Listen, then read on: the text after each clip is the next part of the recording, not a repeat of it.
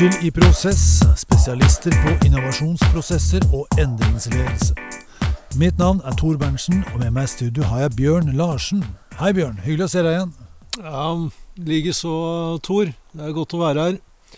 Eh, Du skal jo nå intervjue en eh, spennende gjest. Eh, Gunnar Hovland, som er konsernsjef i Tine. Ja, det stemmer. Og vi skal snakke om mennesket bak lederrollen. Men før vi går til selve intervjuet, så skal du og jeg reflektere litt over hva vi tror er selskapets innovasjonsevne. Altså hvor utfordrende det er å lede innovasjonsprosesser i Tine. Og det gjør vi på en skala fra 1 til 10. Hvor nederst 1 betyr at eh, et selskap er normalt utfordrende å innovere. Og på 10 så er det spesielt utfordrende. Ja, Og vi må jo bare legge til at eh, dette er ikke akkurat eksakt vitenskap. Nei, kanskje ikke. Det er du og jeg som spekulerer litt. Ja. men det er ikke helt, vi er jo litt erfarne, da. Vi, jeg syns vi har eh, mye å reflektere over. Ja, Ja. Veldig bra. Ja, og hva, hvilke tall ender du på her, da? Altså Én eller ti, eller Jeg tror eh, jeg skal driste meg til å sette en nier, jeg, faktisk. Ja. Det er ganske mm, høyt opp på skalaen, så vi får se om du følger meg på den. Altså, jeg har jo lyst til å ta et annet tall enn deg, det må jeg innrømme. Men veit du hva? Denne gangen skal jeg faktisk følge deg på ni. Oi, oi. Ja, det er kanskje drøyt å si ti, Det er drøyt, ja. Det er drøyt. Så. men jeg kan nesten ikke forestille meg et selskap som kan være mer krevende heller. Eh, Men det, la oss snakke litt om det. Ja, altså, det er jo et eh, Det er i hvert fall et komplekst selskap, det kan vi være enige om. Det er eh, mer enn eh, 9000 bønder som er eh, leverandører, og de befinner seg på mer enn 7000 gårdsbruk. Ja. Og de er samtidig eiere, så da beskriver vi en del av kompleksiteten Ja, eh, bare der. Og når eierne også er leverandører, det er én ting, men så er du i en bransje Jeg er litt usikker her, sånn, for litt sånn stygt sagt. Tradisjonelt sett så er liksom bønder blitt kalt litt sånn treiginger. Litt sånn Ja, de er litt opptatt av seg sjøl og sitt og liksom pusler med det. Og så veit jeg samtidig at i denne bransjen skjer jo masse innovasjon. Ja, jeg, jeg må si at uh, det er nok et feil inntrykk som mange kanskje har, da. Uh, Ja, For all del, det er ikke mitt inntrykk. nei, nei. Og ikke ditt heller. På, på ingen måte. For det som har skjedd innenfor eh, bondestanden med, med automatisering og robotisering, Ja. melkemaskiner og det som skjer med maskiner og utstyr med automatisering der, så mye skjer. Og jeg tror den enkelte bonde er ganske så innovativ. Og jeg, jeg er ikke oppdatert på dette, men altså i gamle dager så kan jeg mimre om at eh, kua sto på båsen. I dag så rusler den rundt og sover på madrass, hører på musikk og blir melket etter når den har lyst. Det er ganske sexy greier, altså. Ja, nei, det skjer mye, og, og det er nok litt forskjellig nivå per, per gårdsbruk, da, men det, det er klart at uh, uh, det, det har jo stadig vært nedgang i gårdsbruk, og det er en kontinuerlig kamp for å effektivisere hverdagsdriften. Ja. Uh, Men selv om vi sier nå at de har fått til mye, så sier vi selv du og jeg er enige om at her må det være veldig krevende eller utfordrende å innovere. Og det ene du sa, var jo, det er fordi at eiere og leverandører har Det er to personer, eller én person har, samme, har to roller. Det er krevende. Ja, så mitt poeng i den sammenheng er jo at uh, bøndene har jo sine resultatområder, mens Tine som organisasjon har jo sitt resultatområde. Ja. Og det er klart at uh, eierpreferanser og organisasjonspreferanser ikke alltid går sammen når det gjelder å ta beslutninger. Eh, og da skal man eh, være veldig godt eh, innlevd i de preferansene som eiere representerer, levera, lever, som også er leverandører representerer, Ja. og hva som er best for organisasjonen. Det gir et komplekst bilde når det gjelder innovasjon og strategi. Ja, For at det enkelte bonden bør jo selvfølgelig ha et sterkt fokus på seg selv. Hva er Mm. best for meg akkurat Mm. nå? Men som eier så skal du også ha et, best, et fokus på hva er best for hele organisasjonen på lang sikt. Det Mm. er krevende, bare. Rett og slett. Jeg, jeg, er, Jeg er litt imponert over at vi har fått til så mye. sånn at selv om vi sier at det er utfordrende, så er det på ingen måte umulig. Det er det jo ikke. Nei, og jeg tror det er eh, som følge av eh, at eh, Tine har vært godt ledet eh, gjennom lang tid. Og de har sikkert vært utfordret fra flere fronter. Ja. De har jo også en samfunnsrolle som, som Så de må hensynta politiske oppfatninger. Så det er definitivt ikke noe lett spill. Og jeg må jo si jeg er jo nysgjerrig på hva slags leder som klarer å håndtere den kompleksiteten. Eh, Jeg vil tro at ordet forankring er velkjent i den organisasjonen. Å skape engasjement og bygge lagånd. Jeg tror de må få til alt dette kanskje bedre enn de fleste da, for å klare å Eller for å, ha klart å innovere så mye som de har gjort. Så eh, jeg er spent på neste gjest. Det er jeg også, og det skal bli, virkelig bli spennende å høre de, de refleksjonene som kommer der. Så hva slags profil er det Gunnar Hovland, konsernsjef i Tine, har?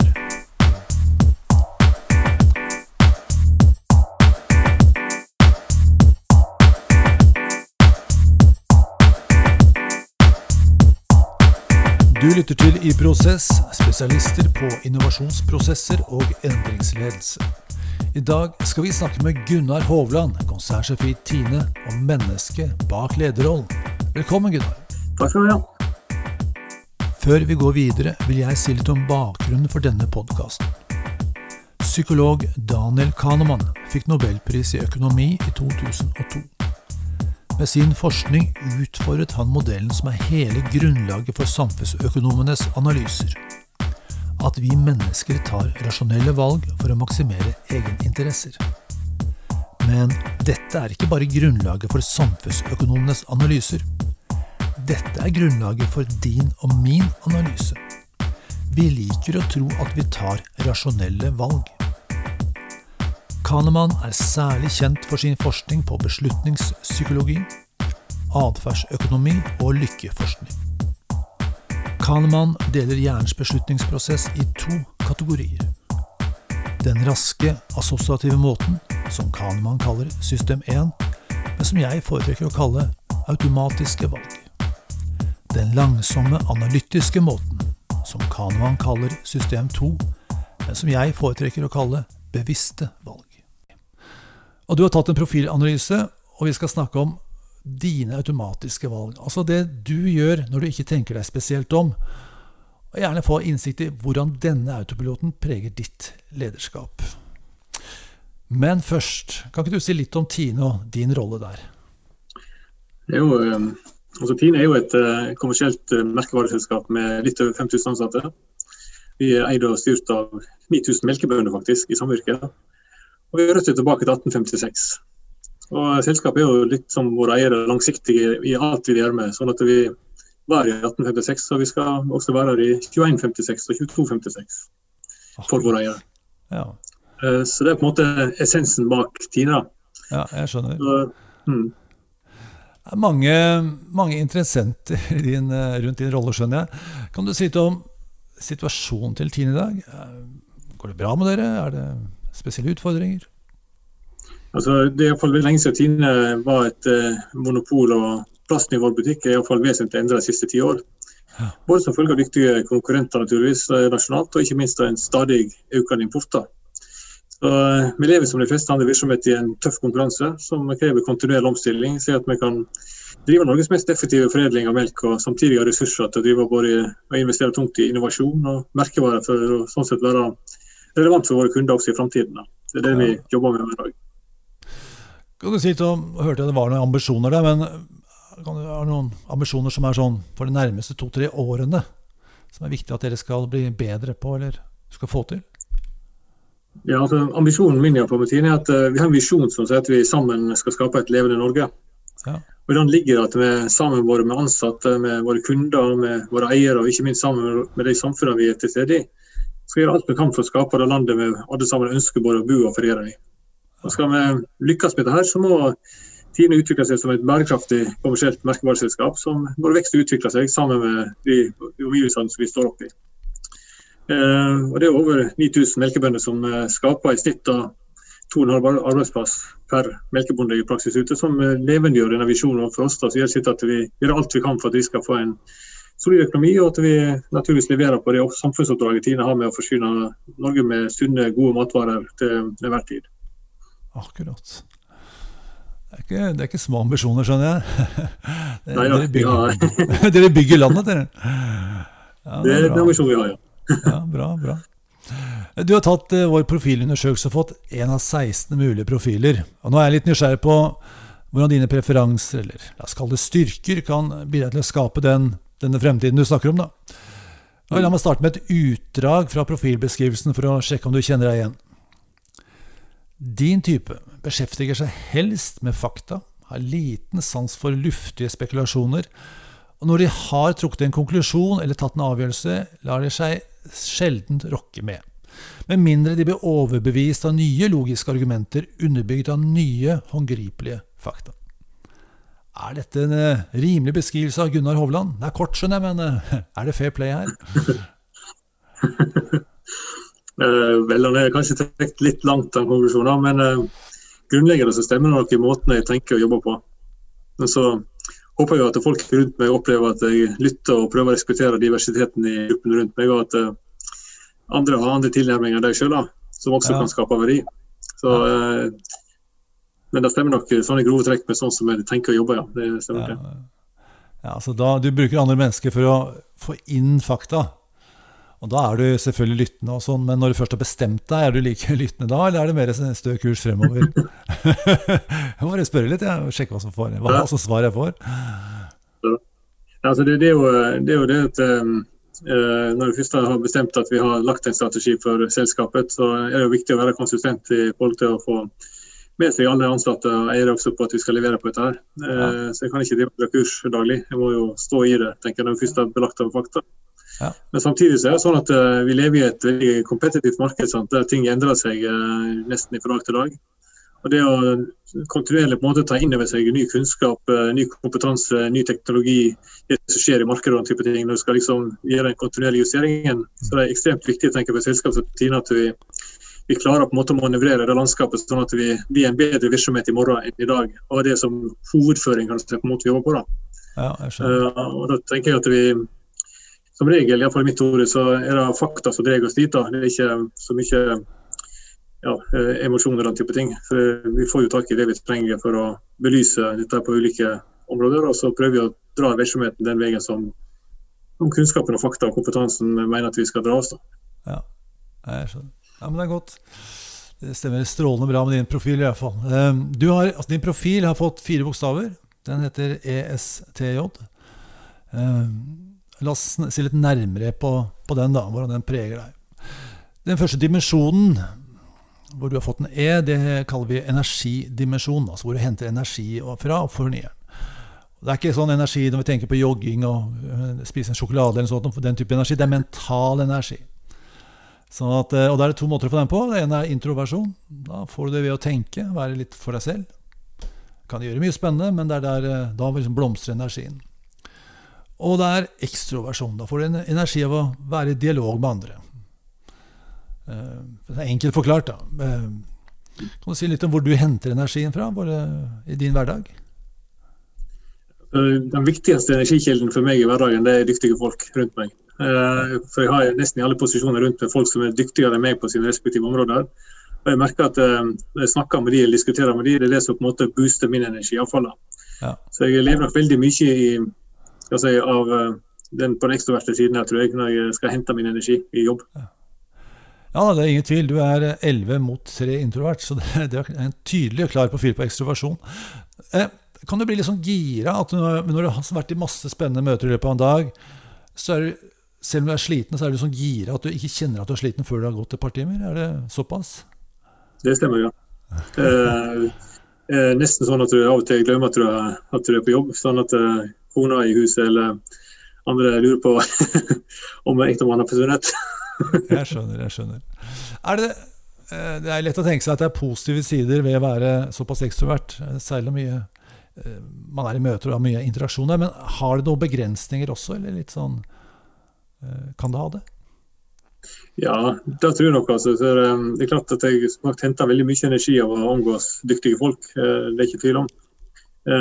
Og så er jo det å få til nok på en måte rom og tid og, til å faktisk tenke gjennom ting sjøl. Det er også en veldig viktig del. da, så at Du på en måte lager deg din egen oppfatning av det her, sånn at det ikke en måte bare blir en um, postkasse, men at du faktisk sitter ned og bruker energi og tid på å reflektere og tenke gjennom hva som er eh, hva i sum smart for virksomheten.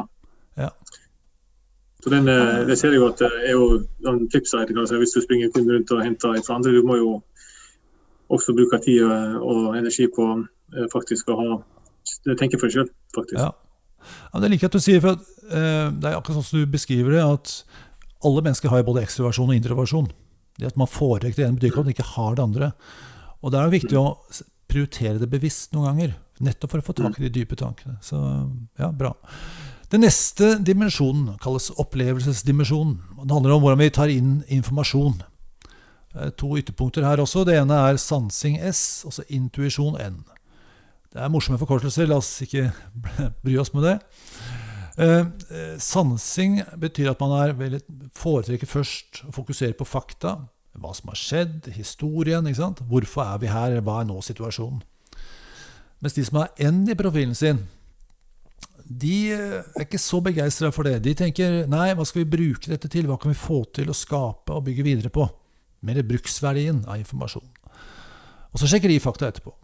Og de som er eh, S-orientert, de vil jo da gå til N etterpå og se hva de kan bruke fakta til. Eh, hva er som er typisk eh, din fremgangsmåte? Jeg er nok helt ifra barnsben har vært rasjonell, kan du si, eller opptatt av det rasjonelle og de forklarlige tingene og fakta og vitenskap og kompetanse. Jeg har nok alltid vært styrende for, for veldig mye av det jeg har gått inn i. sånn at jeg... Ja tror nok at jeg ligger veldig tungt over på, på, det med sansing. Da kan jeg si at jeg eh, legger fakta til grunn for eh, mine vurderinger så langt det lar seg gjøre. Men så kjenner jeg også at um, når du skal ta ut potensialting, så må du jo av og til altså igjen tilbake til å ha et, et team som har litt diversitet kan jeg si, på egenskaper. Så trenger jeg også folk som på en måte er bedre enn meg på den andre dimensjonen til å på en måte fylle ut en del som må på ja, hva gjør vi nå, hvordan kan vi konseptualisere og anvende dette her. Ja. Uh, selv nok har jeg ikke et overslag på, på faktasiden, det er jeg ganske trygg på. Ja, du er 14-0, så det er, eh, det er, full pott på faktasiden. Uh, men det betyr jo at uh, altså, det er klart du kan drive med intuisjon. Altså, du kan være idémyldring og du kan se fremover og alt dette her. Det er klart du kan det, og det har du helt sikkert gjort massevis av ganger. Men det kan hende det ligger en liten terskel å gå over. Kan du kjenne på det at Altså meg, da, jeg er sterk N, så jeg er motsatt av deg. Og hvis vi to har en idémyldring, så kan jeg bli ganske ivrig på det. Kan hende at du blir litt sliten av meg da, hvis vi tar en sånn runde. Nå var det nok luftslått, Tor. det er nok luftslått. Jeg har vel lyst til å dra ned til et eller annet så vi kan få gjort noe mer. da. Så ikke liksom bare fortsette i idémyldringen, men at en gjerne tar hva si, det å få opp konseptet, få opp forslaget, få opp det som på en måte kan, kan gjøres her, det er veldig viktig. Men så at en da trekker ned igjen mot, uh, mot uh, fakta i fakta- og kompetanseoppdatering liksom, så du gjør rasjonelt riktige valg da, og kommer videre, eh, er jo en veldig viktig del, tenker jeg. Så at Vi kan drive idédugnaden med de tusen blomster, men vi må liksom velge hvilke én, to eller tre vi skal satse på. da. Og Når vi skal gjøre valget der, så tror jeg igjen at eh, det er veldig viktig å være rasjonell og, og tenke seg godt om det, kan du si, og, og for å gjøre kloke valg. da. Ja bare spør, kan, kan, kan man for, være for rask på det, i og med at du har en sterk preferanse for S-en? Kan det hende at du bruker litt for liten tid på det der fremtidsspillet eller idémyldringen? At det blir for raskt på handling? Eller det, har du bevisst omgitt deg med andre mennesker som kompenserer for dette? Altså jeg har jo bevisst, eh, når, jeg, når vi har satt sammen delgrupper, så har jeg jo bevisst lett etter folk som fyller ut min måte å tenke og jobbe på. da. Uh, og som bare på en måte har fått et klart mandat i forhold til å utfordre meg på det sant? og være tydelig på hva de trenger for å lykkes uh, også i sine jobber. Ja. Uh, så jeg prøver liksom å bygge og tenke at det viktige er at teamet på en måte har en komplementær kompetanse. At det er dyktige folk som på en måte fyller ut hverandre. Det er en veldig viktig del. tenker jeg. Jeg har jo en del overslag i min personlighet som jeg må passe på at blir kompensert av andre. Ja, ja men sånn er alle, ikke sant. Og da er det å ikke få folk som er lik seg sjøl, men få folk som utfyller. Det er strålende.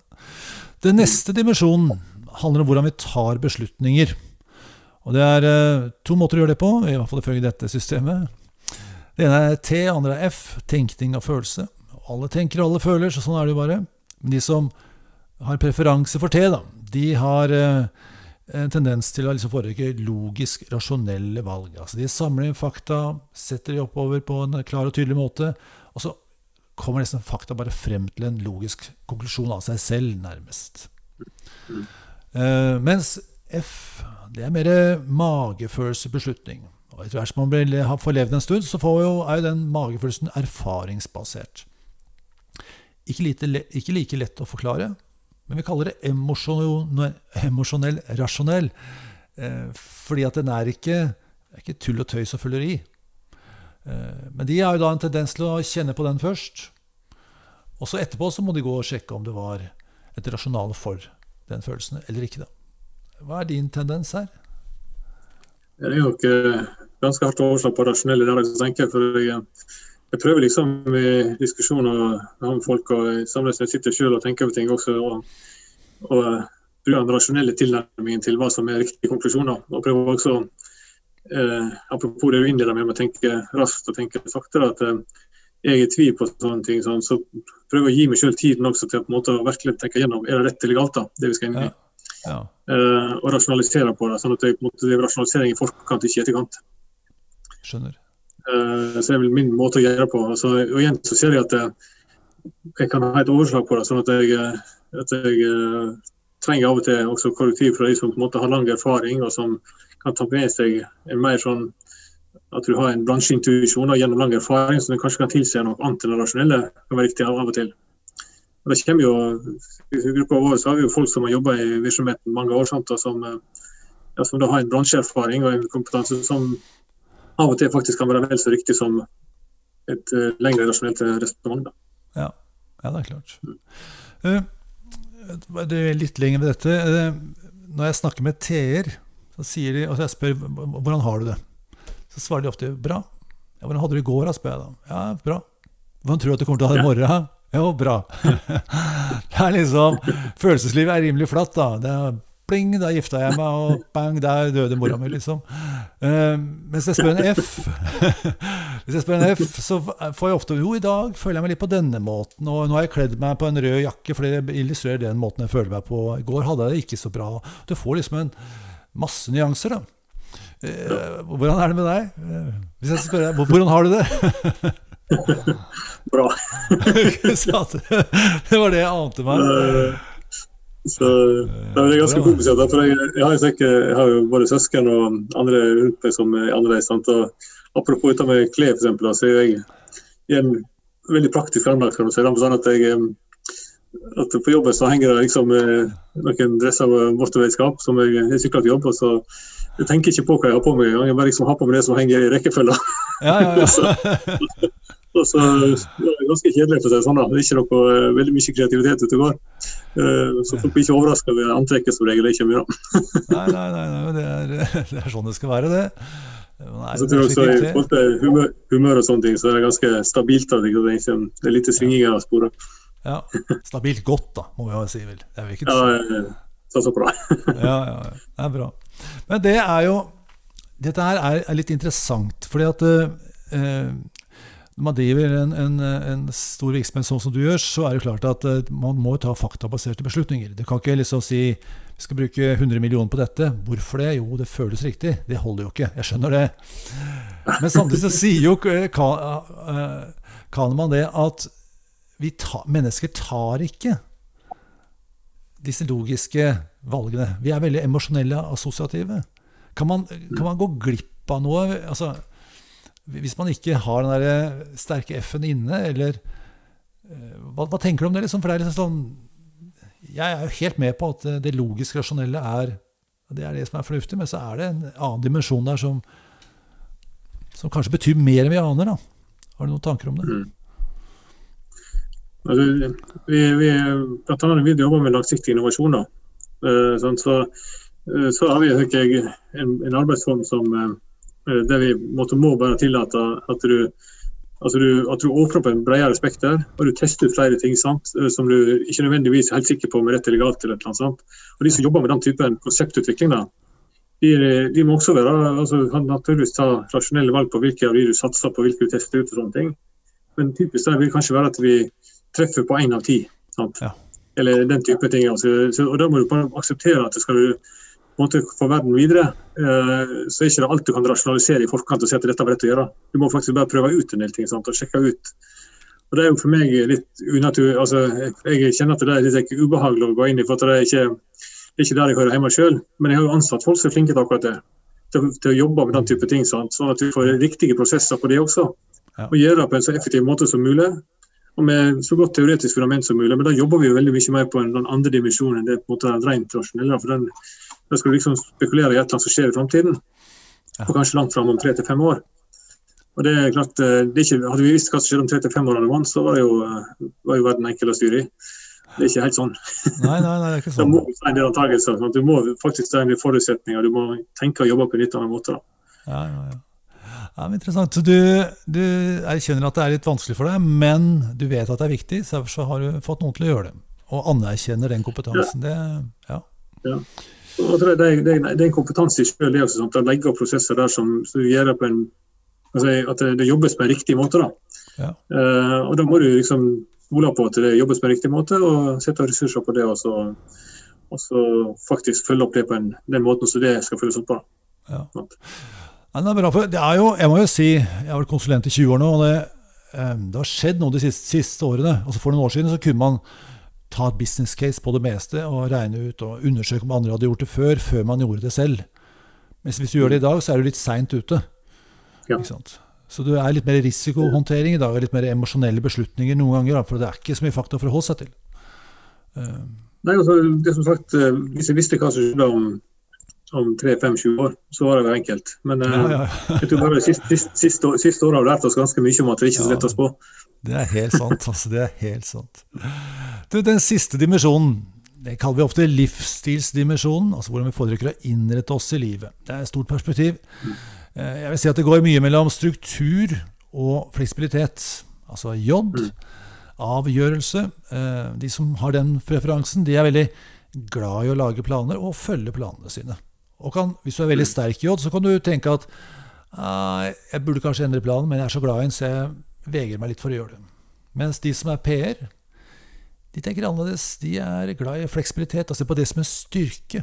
J-ene ser på fleksibilitet som en svakhet. Da har jeg gjort en feil. Må jeg improvisere, liksom. Det er en styrke hos dem. De syns det er bra. De liker variasjon og nye muligheter, og gjerne litt impulsivitet. De har planer, de òg, men de er ganske rause og generelle da, for å gi rom for denne fleksibiliteten. Hvordan er det du jobber? Hva er det, hva er det du foretrekker? Jeg er nok det som er på J-dimensjonen der også, altså at jeg, eh, at jeg heller mot å eh, stå i det vi har beslutta. Altså som utgangspunkt, iallfall. Uh, men eh, samtidig så tenker jeg at eh, vi er som sagt en virksomhet som har et veldig langt perspektiv. Eh, og veldig ofte når vi gjør ting sånn, så har jeg, altså, investerer i nye meierier eller nye produkter, eller noe, så, så vil det jo av og til at du rett og slett må innse at du har gjort at det vi har vurdert på, har vært feil grunnlag og sånne ting. Uh, og vi da kommer til situasjoner som vi må revurdere om denne beslutningen var rett eller gal. Ja. Uh, sånn vil det alltid være en virksomhet som er i, i hard konkurranse. tenker jeg, at du, du investerer og du legger planer for sånn som du ønsker du skal få utvikle et eller annet, og så skjer det ting som ikke helt stemmer overens med det du hadde forutsetning om. Ja. Og det, det på en måte, Da kan ikke være så sta på det du har beslutta, at ikke du tar inn over virkeligheten. da. Uh, og det, dette med, det er det som på en måte skiller kanskje sånn vi kaller det fast food consumer goods. så Da må du på en måte hele tiden passe på at du tar inn over virkeligheten. tenker på det. Du må ikke være for sta på at du, det du bestemte, for et år siden fortsatt gjelder. For av og til så gjelder ikke det lenger. Ikke sant? Eller du må justere fordi at det har skjedd endringer i markedet eller med teknologien eller med andre ting. da. Ja. Mm. Hvis vi beveger oss over på litt på privaten. eh, Når du planlegger ferie, gjør du det lang tid i forveien, eller er det sånn du kjøper en billett til Italia også for å se hva som skjer? Uh, ja, det er et godt spørsmål. Uh, ferien er nok uh, stort sett den andre sjefen i heimen som planlegger, så jeg er nok veldig fornøyd med at det er planlagt av andre enn meg. så jeg kan bare være med. Stort sett Også, når jeg har vært på tur med gutta mine, vi har jo to sønner i datter, så har vi jo planlagt på forhånd hva vi skal gjøre når vi skal på fotballtur til München og se Bayern spille. Så planlegger vi jo for både turen og at vi kjører opp til Olsjanse og, og får liksom opplevd det det området rundt München sånn og sånn, så vi bruker de tre dagene ganske godt. Ja. Uh, så det er jo Vi gjør det når vi må, vi også, men som sagt, det er nok uh, sjefen i huset som uh, tar hovedansvaret for den delen. Veldig Jeg skjønner. Ja, ja. Den er grei. Du, det siste spørsmålet mitt handler om det å være i automatisk modus. Og det er jo alle mennesker. Vi kommer ikke unna det. Men eh, som leder så vet jeg at veldig mange ledere har hektiske hverdager, og da er det lett å bli fanget av dette automatiske modus og bruke mer den assosiative delen av hjernen framfor det mer dype analytiske. Eh, hva gjør du for å unngå å havne i dette automatiske, eller begrense det litt, eller ta kloke, bevisste valg? Hva, hva tenker du om det? Har du noen Altså, nesten tilbake til den første dimensjonen du snakka om. for at øh, Når jeg sjøl har litt lett for å altså, Jeg har min, mine preferanser i forhold til å ta beslutninger og sånne ting, og ta valg. Eh, og jeg tror at eh, Det viktigste jeg gjør, det er å omgås eh, flinke folk. da. så jeg får liksom, liksom innspill fra de, de, beste folka kan jeg si, til de ulike problemstillingene som skal vurderes. Sånn at jeg får refleksjoner der jeg inn. kan si. Og Veldig ofte så bremser det meg i forhold til det jeg kanskje intuitivt vil hoppe ned på. Og gi meg nye ting som jeg bør tenke over.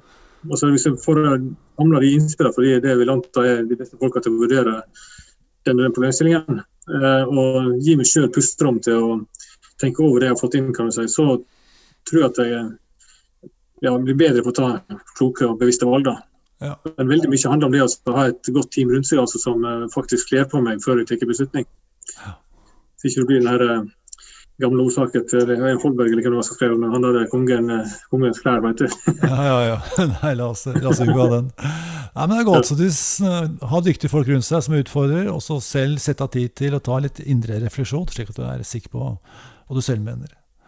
Det er en, eh, og så liksom, Passe på at en lager, lager, et miljø slik at disse flinke folk er ja, altså at de virkelig får brukt seg sjøl og tør å på en måte utfordre seg skikkelig. At de ikke skal fare seg imot. Ja. Uh, men at de faktisk blir satt pris på at du mener imot og utfordrer tilbake. Da. At det er en veldig viktig egenskap. tenker At vi, vi tør faktisk å både i én-til-én-samtaler og i møter og si akkurat det de mener, sånn at vi på en måte får inn summen av kompetanse som er i gruppa, eller summen av kompetanse som er i bedrifter, kan jeg si, før du tar uh, det som blir et forhåpentligvis et klokest mulig valg ut fra informasjonen vi kan få tak i. Da.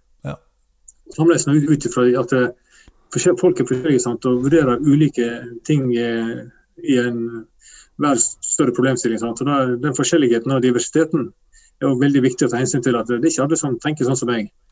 Og det er veldig bra. Og de må få plass, og de må få tid og de må få muligheten til å si det på en ordentlig måte, sånn at vi tar hensyn til det. tenker jeg. Ja. Vet du hva? Da sier jeg tusen takk for samtalen.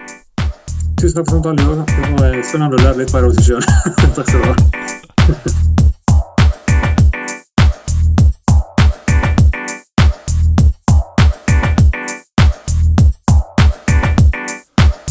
Er du i stand til å slå av autopiloten og jobbe fokusert med de viktigste oppgavene?